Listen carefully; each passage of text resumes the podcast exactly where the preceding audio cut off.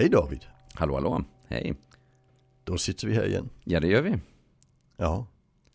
Distanserat. Jag tänkte, ja, jag tror det. Jag sitter i Malmö och du sitter i Stockholm. Ja. Ja.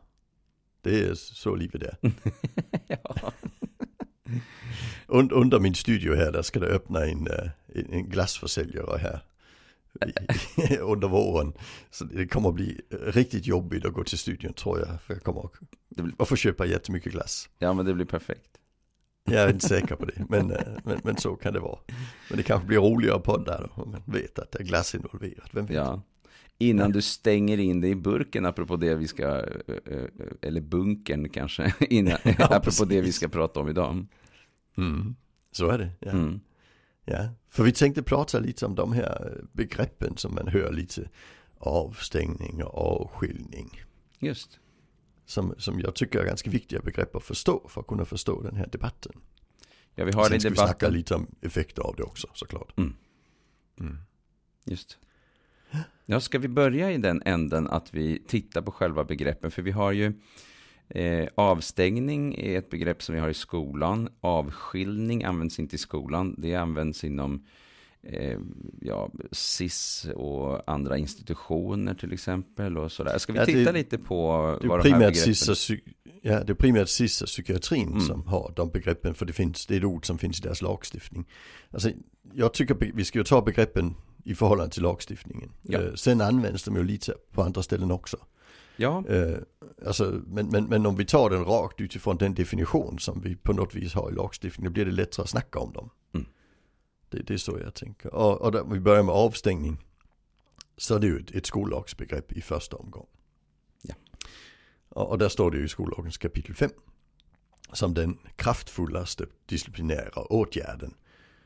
Vilket är ganska spännande tycker jag, eftersom att det inte är en disciplinär åtgärd, men mm. inte ens i lagen. Men, men det är ändå på något vis beskrivet i det kapitlet. just. I, eh, om trygghet och studiero. Ja, precis. Ja. Och, och där, där beskrivs det ju eh, insatser i lite olika nivåer. Den första det är ju att man ska, att, att man kan, alltså man kan, man kan bli utslängd ur klassrummet och Mm. Man, man, kan, man kan få gå till en annan klass och man kan bli omplacerad i en annan skolgrupp en period och så vidare om det inte riktigt funkar. Och som allra sista så står det då att man kan bli avstängd i max en vecka, högst två gånger. Just. Ja. Och det där är min upplevelse utav det som händer just nu. Det är att jag ser på flera håll har jag sett att man stänger av en elev. Men det finns inte ett arbete för hur man ska göra när eleven kommer tillbaka. Så att det blir ju det, det, det känns ibland, eller kanske inte alls bara ibland, utan kanske lite allt för, för ofta, att det blir som en bestraffning eller någon slags konsekvensåtgärd och sen typ har man någon idé om att nu har barnet lärt sig en läxa och nu ska hon, hon eller han komma tillbaka och det ska funka som vanligt. Ja, det, det är ju jättespännande. Mm. Alltså, Om det är så. jag. Ja. Mm. ja, jo men jag, jag upplever också det. Alltså jag, jag har ibland fått sådana telefonsamtal och mails där det står att nu har vi stängt av den här eleven två gånger och det hjälpte inte, så vad ska vi göra nu? Mm. Alltså för de får jag bara stänga av två gånger. Så, så jag brukar beskriva de här åtgärderna som det är den där listan man går igenom innan man ringer Bo. Ja. Och jag tycker det, det är smart att ringa innan. Alltså det, det blir oftast bättre om vi gör insatser tidigare.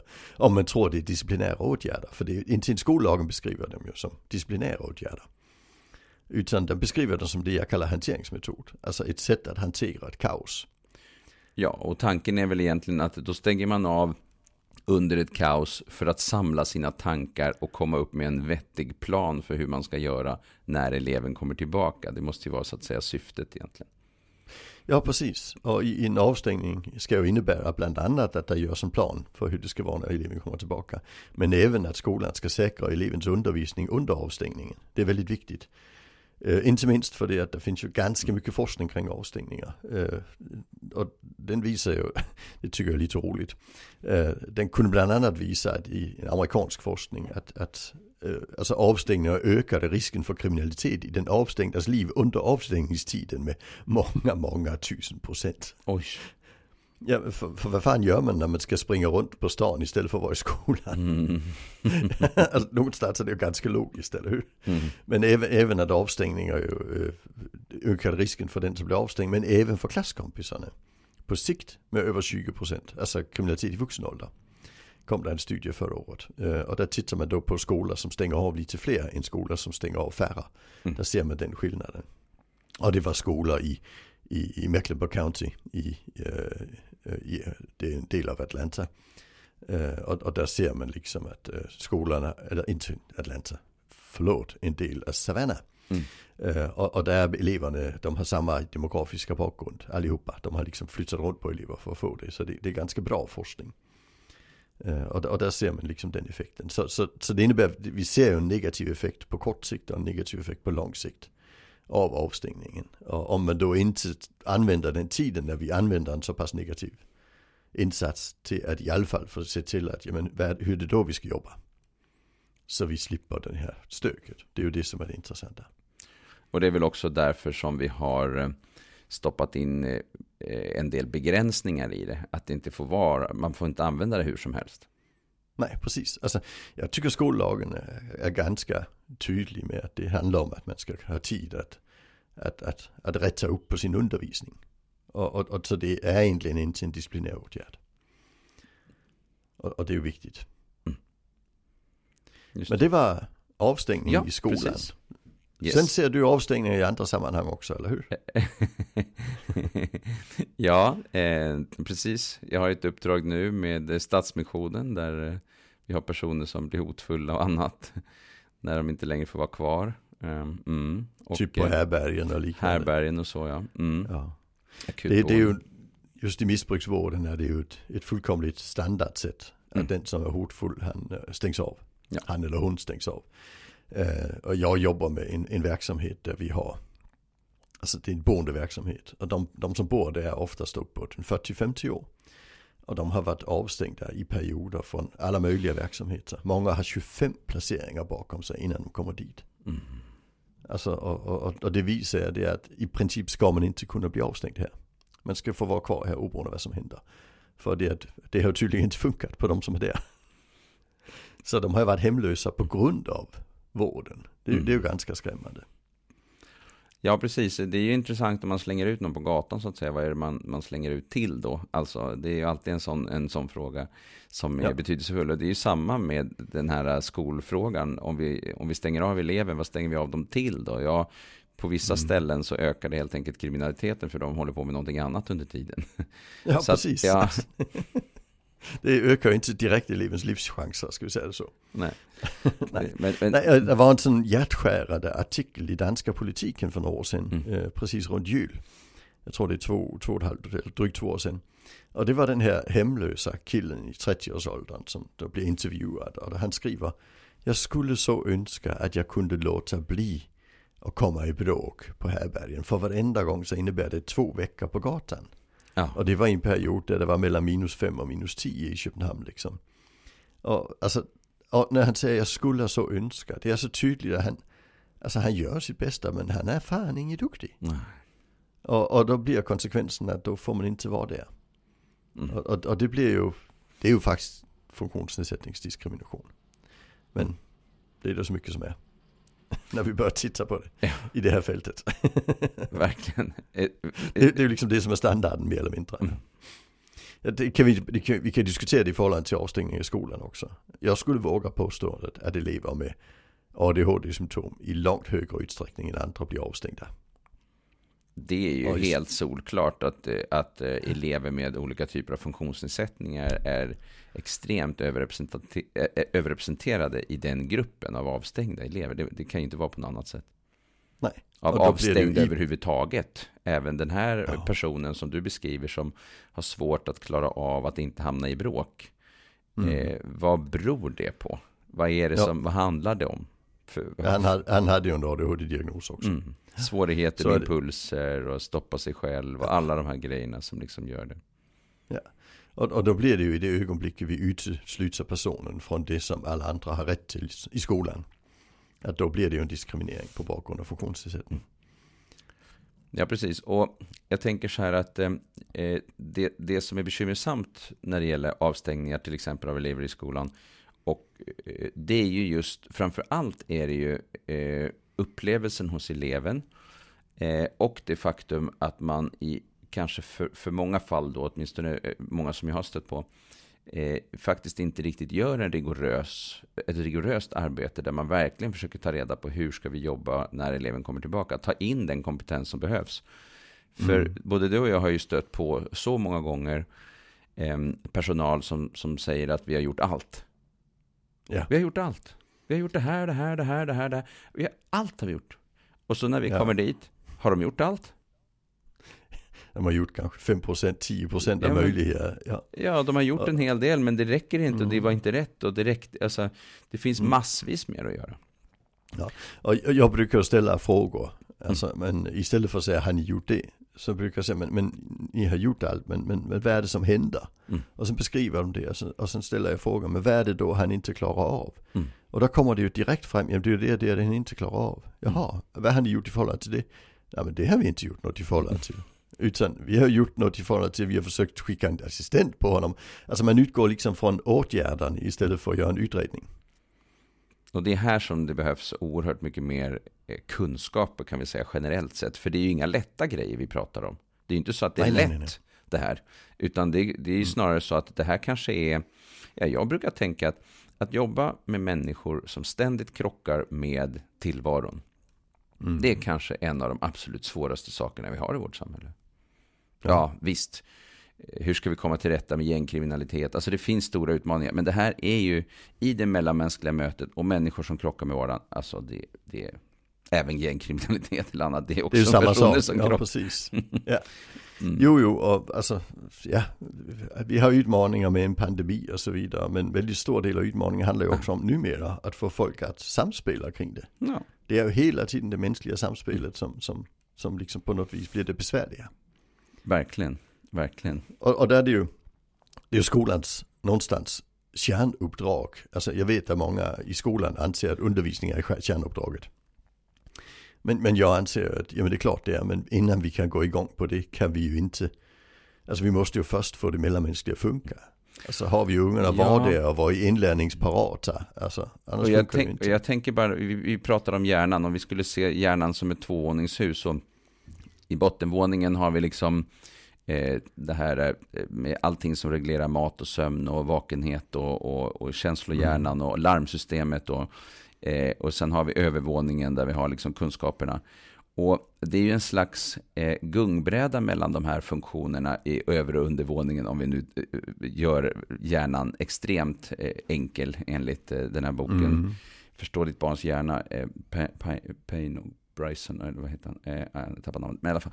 Och, mm. Ehm, och då tänker jag så här att ehm, om det är full fart på bottenvåningen, det vill säga man är hungrig, man är trött, man är stressad, mm. man är otrygg eh, eh, och så vidare. Då kan man inte lära sig någonting. Nej. Och det betyder ju att vi måste få ordning på det först. Eh, mm. Innan vi når kunskaper. Så att om man säger att lärandet är huvuduppdraget, ja visst, men du måste få ordning på bottenvåningen innan du kan gå in med lärande. För att är folk någon helt annanstans, springer omkring, rör sig, gör andra saker, är inte på plats, har inte förtroende för läraren, bondar inte, möter inte, ja då blir det inget lärande. Så hur ska vi då liksom få till ett lärande? Om lärande är primärt, och man säger att vi struntar i halva hjärnan, vi tar bort nedre delen av hjärnan, den bryr vi oss inte om, vi bryr oss bara om övre delen av hjärnan. Då har man mm. inte förstått någonting om hur mänskligheten funkar. Nej, jag tänker lite som det i Sverige, är det ofta snickare som bygger hus. Mm. Det är många trähus i Sverige. Men han, alltså det måste ju vara en grund först. Och är inte grunden gjord så hjälper det inte att skicka hur många snickare som helst in. Det blir fan inget vidare. det, alltså, och, och, och, där upplever jag att, att, att, väldigt, väldigt ofta i den diskussionen jag har med skolan, där tänker man liksom bara på snickeriet men tänker inte på grunden. Mm. Och, och, då blir det besvärligt. Och då, då tänker man grunden löser med en avstängning. Ja. Nej. Och det är det som sagt ingenting som tyder på. Då går vi över till nästa begrepp. Ja, precis. Mm. Avskiljning. Ja. Uh, jag, jag har varit lite involverad i uh, diskussioner kring ja, Statens institutionsstyrelse. Jag har även suttit med ett remissvar nyss här. øh, kring en ny psykiatrilagstiftning øh, kring magtanvändning. Alltså det vi kallar tvångsåtgärder. Øh, och, och, och, och avskiljning det är ett tvångsåtgärdsbegrepp. Øh, och det betyder i lagstiftarens tanke att man för undan en person till ett särskilt utrymme och låser dörren. Men det är en viss uppsyn över personen. Och det får vi göra i øh, en timme när det gäller barn i barnpsykiatrin, fyra timmar när det gäller, øh, jag tror det är åtta timmar till och med i vuxenpsykiatrin. Jag tror det är fyra timmar för barn förresten numera. Mm. Det är bältning som bara är en timme. Uh, och sen får man göra det i, i SIS regi också. Statens institutionsstyrelse. Ja, och det är ju ungdomsvården, Mm. den, den låsta ungdomsvården. Det intressanta med det begreppet det är att när jag läser eh, ledare och liknande så, så låtsas de som att avskiljning är att säga gå till ditt rum. Mm. Alltså det, det är liksom så, ja men man får väl ändå, det är väl okej att man får vara själv ett litet tag.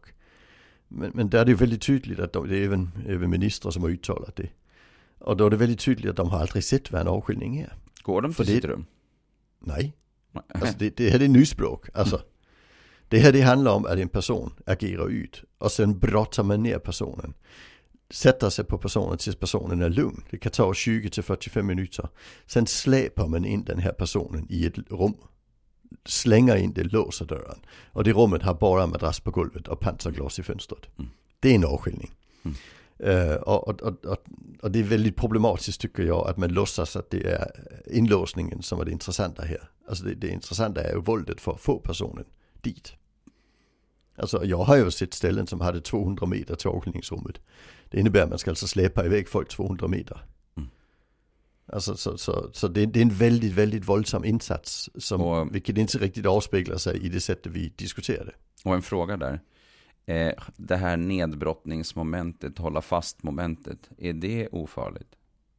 Fullkomligt livsfarligt.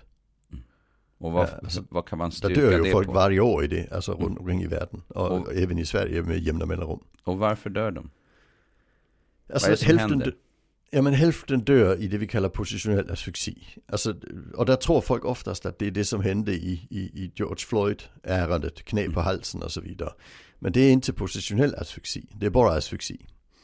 Øh, det som oftast händer det är ju att øh, alltså, vi, vi håller fast en person som ligger på magen. Och när man ligger på magen så blir andningsvägarna lite øh, begränsade hur man ligger med huvudet och liknande. Men även lungkapaciteten eftersom magen blir intryckt. Och det innebär att det uppstår en syrgasbrist i kroppen sen är det så här att eh, när, när adrenalinet flödar i kroppen och det gör det ju när i en fasthållning. Alltså då, då, då, då måste man det gör mot- förbrännas. Man gör motstånd liksom. Då. Man gör motstånd ja, och, och, och, och sen adrenalinnivåerna, eh, de ska ju ner för kroppen klarar inte av att ha så mycket adrenalin så den vill ju förbränna det. Och det gör man i vanliga fall med rörelse. Alltså och det kan ju inte personen, så då börjar personen ofta skaka. Och när vi har en person som skakar, då är det livsfara och färde. För det som händer, den här små skakningen, det kallas mikrorörelser. De förbränner väldigt mycket syrgas, men syrgasmängden eh, är ju nedsatt på grund av positionen. Det är därför det är positionell asfyxi. Och då prioriterar kroppen alltid hjärnan. Och det innebär att den bortprioriterar framförallt njurar och lever. Det är det man dör av. Eh, så man dör inom 24 timmar. Mm. Alltså, men oftast är det leversvikt eller njursvikt. Så det är liksom inte, det är inte själva situationen man dör i i de allra flesta fallen.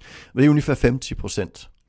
Eh, sen har vi ju alltså även alla möjliga andra, alltså spotthuvor där man dör av syrgasbrist på grund av sporthyven.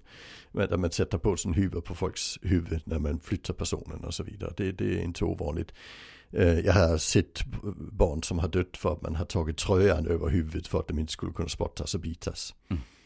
Eh, Vi har, eh, ja, alltså den forskning som finns, där har vi bland annat Nanne och kollegor, vi har en, en studie från Lancaster universitet också som har tittat på vuxna. Och de säger, ja men så brutna nackar och brutna ben eh, i kroppen är inte heller ovanligt. Vi har svenska fall med bruten rygg också i skolan till exempel. Och, och sen har vi alltså även, eh, alltså man, man kan dö av överansträngning. Det, det står för ungefär 25% av fallen. Och det innebär att man fortsätter göra motstånd i 45 minuter. Mm. Men, men, men man dör alltså då av, av mjölksyra i hjärtmuskeln. Det är ett väldigt känt amerikanskt fall som blev känt primärt för det att det är en, alltså man ser hela förloppet via övervakningskamera i en amerikansk bootcamp på en 14-årig kille.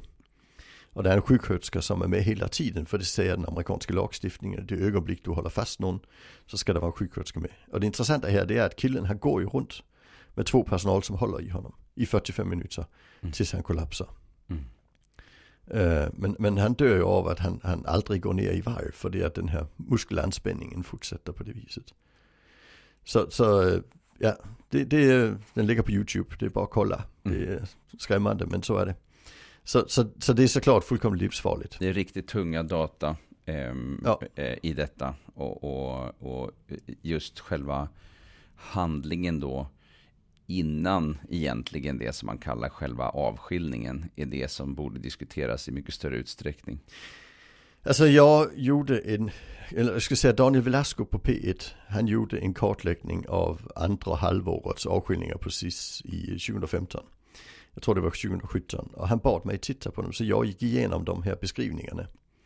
Jag hittade fyra som inte, alltså där man inte, där jag upplever att det var en svår situation som de var tvungna att lösa på något vänster som innebar någon typ av begränsningsåtgärd. Eh, fyra av 179. Mm. Eh, hälften var klart för en provocerad personalen. Alltså, mm. det var ingenting från början som ställer personalen ett absurt krav i situationen som eh, ungdom reagerar på. Eh, hälften hade kunnat undvikas med väldigt, väldigt enkla metoder. Det är bara fyra kvar där det behövdes någon typ av insats som går utöver en vanlig pedagogisk insats. Och vad eh, kan det handla om för någonting i de där fyra fallen av 179, vilket ju är, ja, men det är nästan våld 2 mot, mot annan person. Max. Ja, ja, att det är ja. någon som, att personen i fråga är på och försöker slå på någon annan. Ja, någon annan som inte är personal. Ja, till alltså, är det så att det är personal man slår på, då förväntar jag att jobbar man i den typen av verksamhet så har man, är man ju utbildad i att kunna freda sig. Eh, men, men det, vi måste ju rädda en annan ungdom. Det är olika typer av nödvärnstekniker då för en själv. Men när det gäller att rädda någon annan, då handlar det om att försöka separera ja. den som är på någon annan så att säga. Alltså, ja. och slår kanske eller något. Ja, och då går vi ju in i någon typ av nödvärnsbegränsning. Mm. Eller, eller en, en tvångsåtgärd liksom. Och, och, och det var, det hit, alltså, i dem där tyckte jag det var fyra där det var, framgick att det var, att det var så det var. Mm. Uh, SIS hade på det tidspunkt ett system man skickade in till huvudkontoret. Alltså den som skulle, skulle gå igenom dem, han hade varit sjukskriven i två år så ingen hade gått igenom dem. Så det var ju ingen annan uppföljning än den som var på avdelningen. Så det var ändå bland annat det uh, Daniel Velasco han kritiserade med detta. Det är oerhört intressant hur ändå förhållanden, alltså det, det diskuteras ju ibland våld inom olika vad ska säga, verksamheter. Men det är ändå fascinerande mm. hur sällan jag i alla fall tycker att jag har sett att man diskuterar den här frågan om, om eh, liksom konsekvenserna runt omkring det här som vi nu pratar om eh, på ett eh, liksom ordentligt sätt i, i media. Ja, nu har jag inte hela bredden, men, men det känns som att det finns oerhört mycket mer man skulle behöva titta på här. Och framförallt kanske skapa eh, system för eh, hur man eh, eh utvärderar och eh, förhåller sig till de här typen av situationer. Ja, alltså vi har, eh, vi har ju en debatt som vi kör till ibland och, och, och tänder till ibland. Och det ja. gjorde den ju nyss kring Björkbacken. Mm. Som blev avstängt. Eh, nedstängt på grund av just alltså övergrepp från personalsidan. Ja just det, jo det, ja. just det. Och, och, där har vi ju en debatt för tillfället som engagerar väldigt många. Vi har en polisanmälan, eh, SIS generaldirektör polisanmälde av barnrättsbyrån. Bland annat kring, kring insatt, alltså saker som hände på Björkbacken och saker som hände på eh, SIS Hässleholm också. Mm. Kring en flicka. Och, och då får vi ju en liten debatt Mm. Och för något år sedan, där var det ju en annan liten debatt. Och för något år sedan var det en annan liten debatt. Alltså vi hade ju den här uppe i Lövsta. Som också blev stängt. Alltså, så, mm. så vi har ju med, med jämna återkommande eh, alltså intervall så har vi en skandal kring övervåld eh, inom den statliga ungdomsvården. Ja, och även äh, tänker jag i, i skolan. Vi hade ju den här bänkincidenten med läraren som, som släpade. Ja. Så ja. vi har ju lite, precis. Men då och då poppar det upp helt enkelt en liten sån. Det poppar upp då och då och då får vi, då får vi alltså det är det tydligt att det blir en väldigt uh, polariserad debatt. Mm. Alltså där, där, vi har viss, en, en sida som säger så här men, men, men det borde vi kunna lösa på ett annat vis. Och en annan sida som säger att ja, men, nej det var nödvändigt och det gör ingenting för de här personerna. De beter sig inte och då är det okej. Okay. Mm. Det är ju de två positionerna vi har. Ja. Jag brukar kalla dem lydnadspositionen och autonomistödspositionen. Mm. Grundat på en del gamla forskare som har hållit på med detta. Øh, men, men och de kommer ju varenda gång. Øh, det intressanta är att när, när det är sist så kommer, alltså, så börjar det alltid med en liten lydnadspositionsmotstånd men den lägger sig ganska tidigt. Och, och sen stänger man ner institutionen och gör ändringar i ledning och så vidare. Och sen kör man igång igen. Men vi har exakt samma ett år senare någon annanstans. Mm. Så vi har ju några grundläggande problem i, i, i, i sättet som vi har lagstiftning på, tänker jag. Jag tänker att lagstiftarna borde gå igenom det. Och jag tror, ärligt, jag tror inte lagstiftarna vet vad de lagstiftar kring. Mm. Jag tror inte de vet vad en avskiljning är. För när, när jag hör socialministern prata om det så låter det på mig som att hon tror det handlar om att skicka upp barnet på rummet. Mm. Som eh, en liten hemsituation med en eh, fyraåring eller femåring. Liksom. Nu får du ja. gå och leka med lite lego på, din, på ja. ditt rum ett tag. Ja, och, och, och, och så kommer liksom du igen och lugna ner dig. Ja, och att man liksom upplever att, att jamen, det är väl okej okay att man ska vara själv i lite tag. Men mm. det är ju inte det avskiljningen i praxis innebär. Alltså det, det, är ju det extrema våldet som person, barnen utsätts för. Det är ju det som egentligen är det, är det, det intressanta i detta. Och därför tycker jag att avskiljning är ett väldigt uselt begrepp. Alltså det borde ju formuleras om så att folk förstår hur våldsamt det var. Mm. Eller det är. Mm. Och eh, eh jag, jag, tänker på att eh, Socialstyrelsen skrev en rapport där man pratade om eh, LSS. Eh, jag vet inte om det fanns fler verksamheter involverade i det också. Det var socialpsykiatri eller det vet du. Men eh, där man pratade om det här med konsekvenspedagogik och problemet med det och problemet med att använda sig av det som man kallar då konsekvenspedagogik. Ehm, mm. hur skulle du säga att begreppet konsekvenspedagogik förhåller sig till de här två begreppen avstängning och avskiljning? Ja, alltså det, det, konsekvenspedagogik är två saker. Mm. Alltså det är dels den, den formulerade metoden utvecklad av en pedagog som heter Jens Bay. Uh, och han, han bygger sitt tänkande på, uh, på Sartre. Sartre säger att i varje situation har du olika val. Och, och därför så, de, de val du tar, då blir du ansvarig för konsekvenserna. Och, och det tycker Jens Bay. Mm. Så det det är ju han som har introducerat det här med att det var ju ditt val att spotta mig i ansiktet, säger personalen till ungdomen. Mm. Och därför var det ju ditt val att du ville avskiljas. Mm. Uh, och, och, så ser verkligheten ju inte riktigt ut. Får vi psykologer ju säga. Uh, Jens Bayer han sa att man ska inte bygga pedagogiken på psykologisk forskning. Det räcker med Sartre. Uh, och Sartres um, ja. empiriska studier uh, av de här. Låt mig säga så att Sartre han hade nog roterat i sin grav om han läste Jens Bajs texter. Alltså så är det. För jag har också läst Sartre och inte minst Sartres etik som är lite stökig och lite svår att hitta i. Men, men, men, men, men han är faktiskt en väldigt human, han är, han är humanist ju. Mm. Han anser att vi ska hjälpa personen att ta de rätta valen. Han anser inte att vi ska ge person, personen konsekvenserna av valen. Aldrig någonsin beskriver han något liknande. Eh, så, så, så, det, är ju, det är ju bara bullshit. Det är en egen formulering skulle du då säga utifrån de premisserna som Sartre eh, plockade upp och pratade om. Absolut, mm. totalt missförstått vad Sartre egentligen snackar om. Tycker jag, men jag hör det väldigt ofta bland pedagoger. De säger att det var ju hans val. Han valde att, alltså det hör jag. Och det, det är tydligare i Danmark där Jens Bay slog igenom betydligt mer. Mm. Eh, där, där, där, hör man det ofta och, och, jag reagerar alltid på det. När, när en pedagog säger att han valde att, så säger jag, det, det är ett antagande. Eh, det, det, är inte säkert att han valde, det bara blev så. Alltså, det, det, det är impulskontroll och så vidare. Förhåller sig, förhåller sig inte riktigt till Sartres tänkande. Så är det. Det är den ena delen. Den andra det är ju den här, alltså bara klassisk auktoritär pedagogik. Jag menar, gör du så, då ska du ha ett straff. Och sen tror vi det hjälper. Och det finns ju ingen forskning whatsoever i hela världen som tyder på att ett, ett straff hjälper. Nej. Alltså det är lite viktigt att säga, om med mhm. straff där menar jag ett straff utdömt av en annan person. Mm. Det finns en annan definition på straff som behaviorister använder. De säger att alltså, de pratar om naturlig konsekvens också är straffande. När du, rör vid spisen och du bränner dig, då är det ett straff. Alltså, det, är inte så vi använder det i resten av samhället. Nej. Nej. Utan vi sätter en person emellan där som mediator. Och det, och det är ju det som sabbar straffet så att säga. Alltså, vi vet att stoppar vi folk i finkan så ökar risken för kriminalitet. Ja, I alla fall med första gångs, andra gångs eh, brottslingar. Tredje gångs brottslingar, där är det inte så stor skillnad längre. Alltså för då är man redan inne på banan så att säga. Men, men det är ju därför vi, vi har eh, försökt hålla straffen låga i, i början av en kriminell karriär. Det är ganska enkelt för det, det ger bättre eh, effekt i förebyggande syfte. Mm.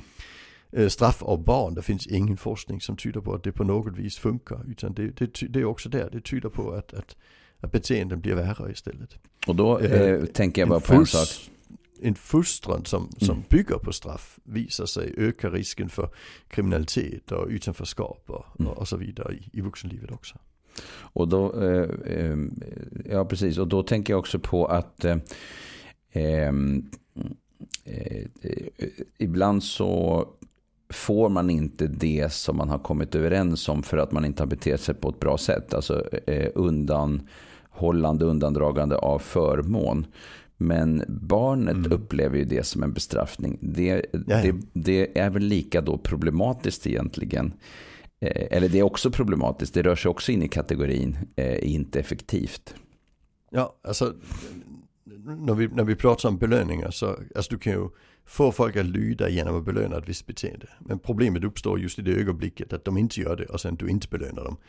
Sen, sen vill jag inte jag att barn ska lyda. Så därför är det ju en, negativ metod i min värld. Eh, överhuvudtaget också för att det, det är ju bara en korttidsmetod. Den funkar inte på lång sikt. Nej. Men i det ögonblicket där barnet förväntar belöningen och sen kommer den inte. Då blir det ju ett straff. Mm. Och det blir du som är mediatorn, alltså den som, som förmedlar straffet. Och därför är det du som blir idioten. Mm. alltså, och, och, alltså är det något man ska undvika som anställd i skola, vård och omsorg så är det att stå som idioten. Alltså det, det sabbar liksom hela alliansbyggandet och hela grunden för pedagogiken. Så därför är det ju problematiskt att använda den typen av metod. Just. Det relationsbyggandet är ju A och O i alla de här verksamheterna som vi pratar om som jobbar. Och framförallt kanske i de här verksamheterna där man jobbar med människor som, som liksom återkommande krockar med vardagen. Ja, mm. precis. Alltså så är det. Och, och, där blir det ju konstigt när, alltså när, när avskiljning beskrivs som en pedagogisk åtgärd. Ja. Alltså, och, och, det är ju tyvärr det som händer. Och, och jag, jag, kan säga, jag har jobbat en del med SIS. I de fallen där det beskrivs som en nödåtgärd, eh, mm. då, då är det något vi kan jobba med. I de fallen där det beskrivs som en pedagogisk åtgärd, det är ju då det kraschar, det är då institutionen stängs ner så småningom. Alltså för det, det går inte att komma åt på något annat vis. Och, och det, är ju, det är ju samma sak med, med, tycker jag, med avstängningen.